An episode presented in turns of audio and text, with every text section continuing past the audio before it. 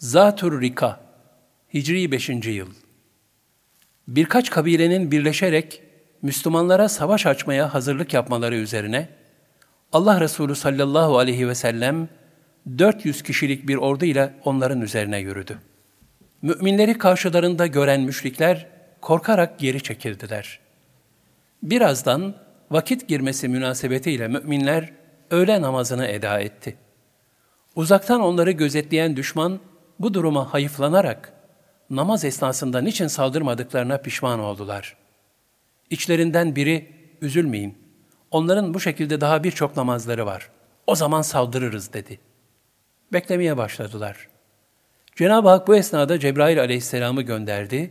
Düşmanın planına fırsat vermeyecek şekilde bir emri ilahi sadır oldu. Ey Resulüm! Sen de içlerinde bulunup onlara namaz kıldırdığın zaman Onlardan bir kısmı seninle beraber namaza dursunlar. Silahlarını yanlarına alsınlar. Böylece namazı kılıp secde ettiklerinde diğerleri arkanızda olsunlar.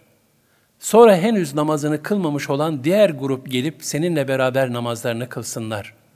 Ve onlar da ihtiyat tedbirlerini ve silahlarını alsınlar. O kafirler arzu ederler ki, siz silahlarınızdan ve eşyanızdan gafil olsanız da, üstünüze birden baskın yapsalar.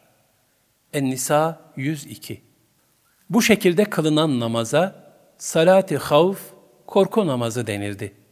Nasıl kılınacağını Cebrail aleyhisselam öğretti. O gün ikindi namazı böyle eda edildi ve düşmanın bekleyişi boşa çıktı.